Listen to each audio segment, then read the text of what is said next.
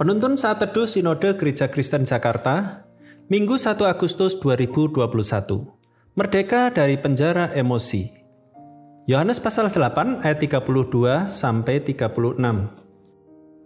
Dan kamu akan mengetahui kebenaran dan kebenaran itu akan memerdekakan kamu. Jawab mereka, kami adalah keturunan Abraham dan tidak pernah menjadi hamba siapa pun. Bagaimana engkau dapat berkata kamu akan merdeka? Kata Yesus kepada mereka, Aku berkata kepadamu, sesungguhnya setiap orang yang berbuat dosa adalah hamba dosa, dan hamba tidak tetap tinggal dalam rumah, tetapi anak tetap tinggal dalam rumah. Jadi, apabila anak itu memerdekakan kamu, kamu pun benar-benar merdeka. Sebuah eksperimen pernah dilakukan pada seekor belalang. Kita tahu bahwa belalang adalah binatang yang suka melompat. Dia dapat melompat dan bahkan bisa terbang. Seorang peneliti memasukkan seekor belalang ke dalam sebuah stoples dan menutupnya. Untuk beberapa saat, belalang itu berusaha untuk melompat dan terbang, tetapi tidak berhasil karena ada tutupnya. Sampai berhari-hari dia mencoba, tetapi selalu gagal. Sampai suatu ketika, ketika peneliti itu membuka tutup dari stoples itu, dan anehnya, belalang itu tidak lagi berusaha untuk melompat keluar. Hidup sebagian orang percaya dapat pula seperti belalang itu.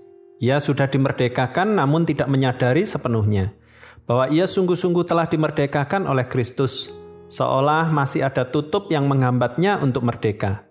Ia masih hidup dalam perbudakan dan hidup sebagai tawanan. Tutup itu adalah emosi kita. Seolah sebagian kita percaya bahwa Kristus mati untuk dosa-dosa kita saja, tidak untuk hal yang lain, yaitu emosi kita. Inilah yang akan membuat hidup orang percaya tidak pernah maksimal untuk memuliakan penebusnya dan menjadi berkat bagi sesamanya. McConnor dalam bukunya Prison Break menuliskan ada banyak hal yang dapat memperbudak dan menjadikan kita sebagai tawanan atau menjadi penjara hidup kita. Dia mencontohkan beberapa bagian emosi kita yang harus dibebaskan. Pertama, amarah. Amarah dapat mencengkeram hidup kita seperti kegetiran. Kedua, ketakutan dapat menjadi sebuah penjara, seperti halnya nafsu birahi dan kekhawatiran. Keputusasaan juga dapat menjadi suatu penjara ketika kita merasa sangat ditekan oleh kegagalan atau kekecewaan, sehingga kita juga sulit untuk melanjutkan hidup. Duka cita juga merupakan satu hal lain yang dapat membelenggu orang.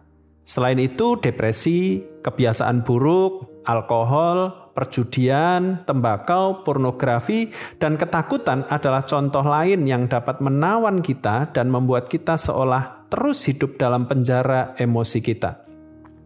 Kabar baik bagi kita adalah Yesus datang untuk membebaskan para tawanan.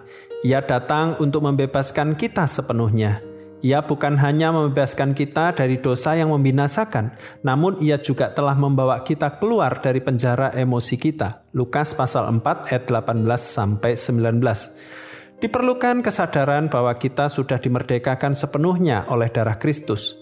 Kristus telah mati untuk semua dosa kita, namun Ia jugalah yang telah memberikan kita kehidupan baru dari orang-orang tawanan menjadi anak-anak Allah ia yang telah memindahkan kita dari gelap kepada terangnya yang ajaib. Sadarilah akan hal itu, sekali lagi saya mau katakan Anda telah bebas, bebas sepenuhnya. Sadarilah bahwa emosi kita telah dimerdekakan dan jangan mau ditipu oleh siasat si jahat. Tuhan Yesus memberkati.